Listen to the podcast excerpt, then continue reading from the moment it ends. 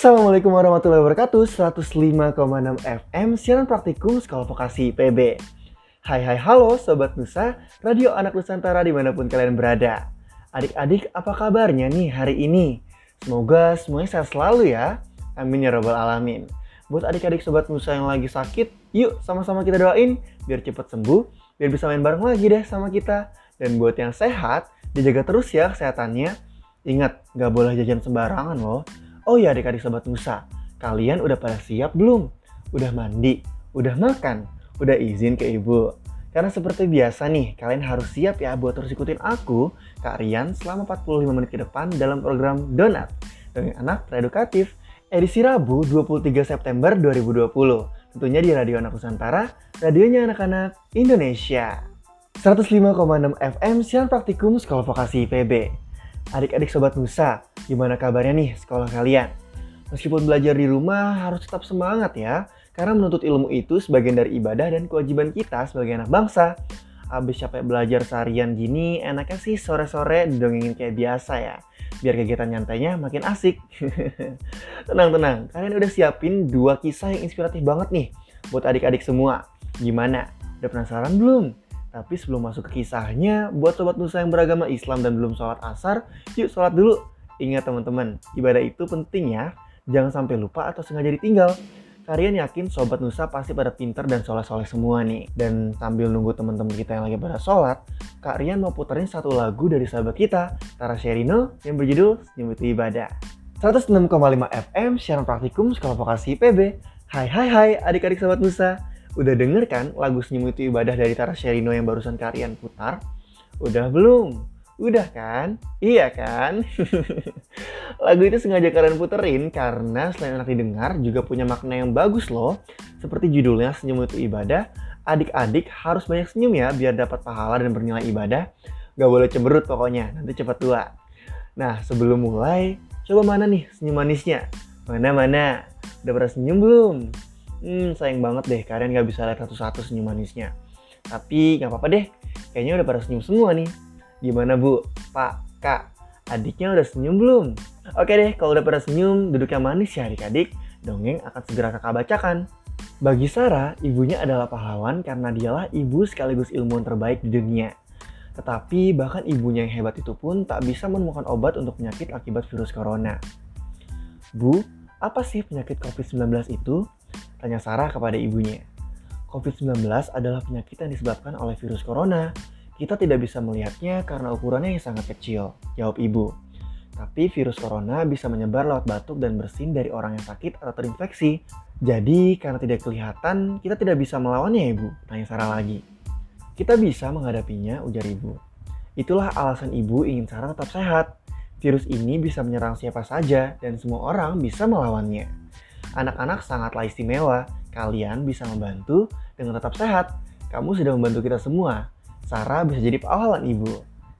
Menjelang tidur, Sarah tidak bisa merasa seperti pahlawan sama sekali. Ia sedih. Ia ingin bersekolah lagi. Tapi sayangnya sekolah diliburkan. Ia ingin bertemu teman-teman, tapi situasinya sedang tidak aman. Sarah ingin virus corona tak lagi membuatnya takut. Pahlawan punya kekuatan super. Gumamnya saat mulai terlelap. Aku bisa apa ya? Tiba-tiba terdengar suara lembut berbisik memanggil namanya di kegelapan. Siapa itu? Sarah berbalik berbisik. Sarah, apa yang kamu butuhkan kalau mau jadi pahlawan? Tanya suara itu. Aku perlu cara untuk memberitahu semua anak di dunia bagaimana melindungi diri sendiri agar mereka bisa melindungi orang lain.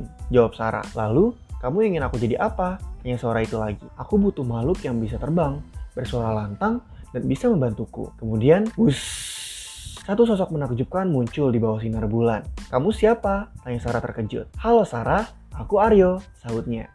Aku belum pernah melihat Aryo, kata Sarah. Tapi aku selalu di sini Sarah, aku datang dari hatimu. Kamu bisa membantuku memberitahu anak-anak seluruh dunia tentang virus corona.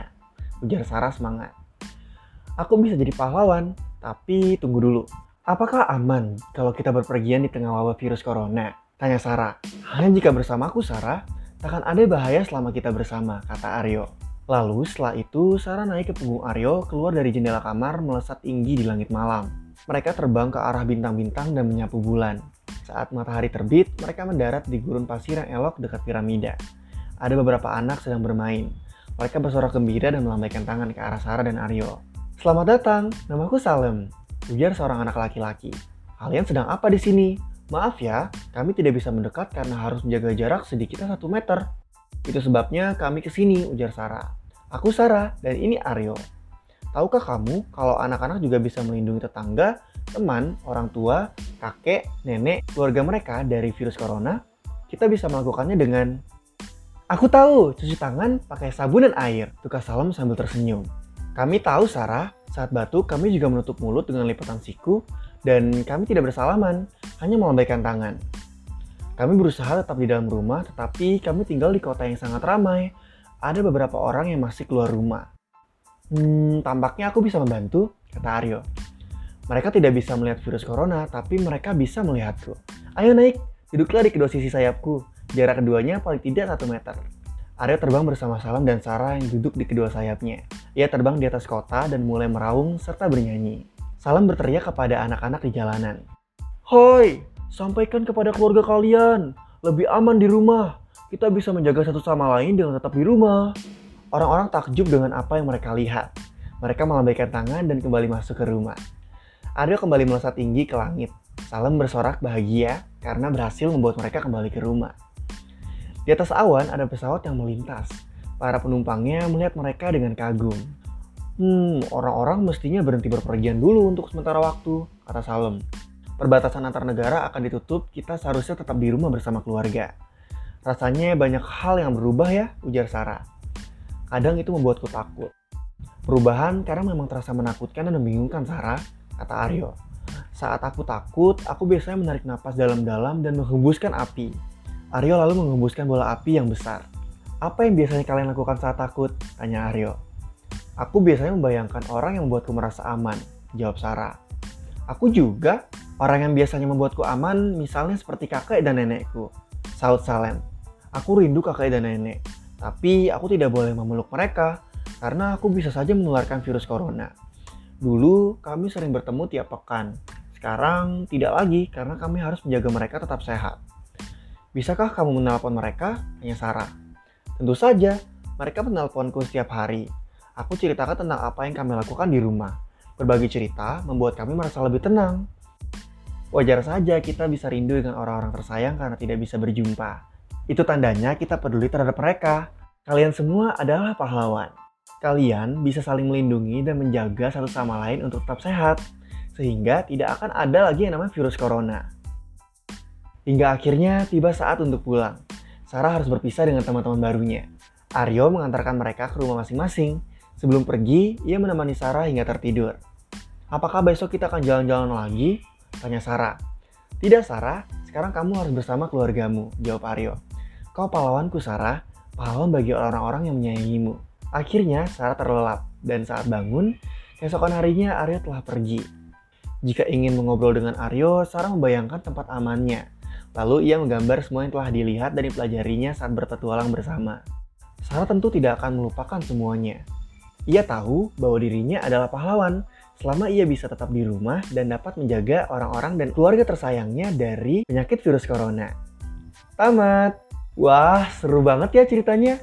Gimana? Sekarang adik-adik Sobat Nusa jadi kenalkan siapa pahlawan dari dongeng My Hero Issue? Iya, you, kamu.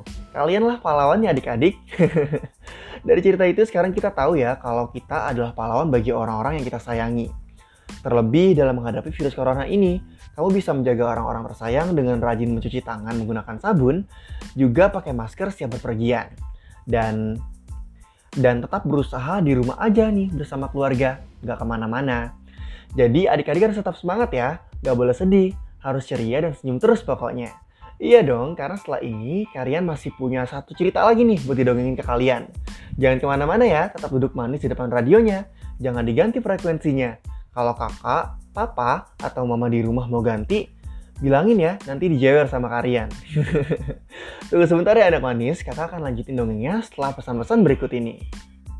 105,6 FM Siaran Praktikum Sekolah Vokasi PB. Halo adik-adik Sobat Nusa, hayo, masih pada setia kan dengan radionya? Karena Sobat Nusa masih pada setia duduk depan radio, kalian bakalan lanjut ke cerita kedua nih. Yang pasti nggak kalah seru pokoknya. Gimana? Udah siap?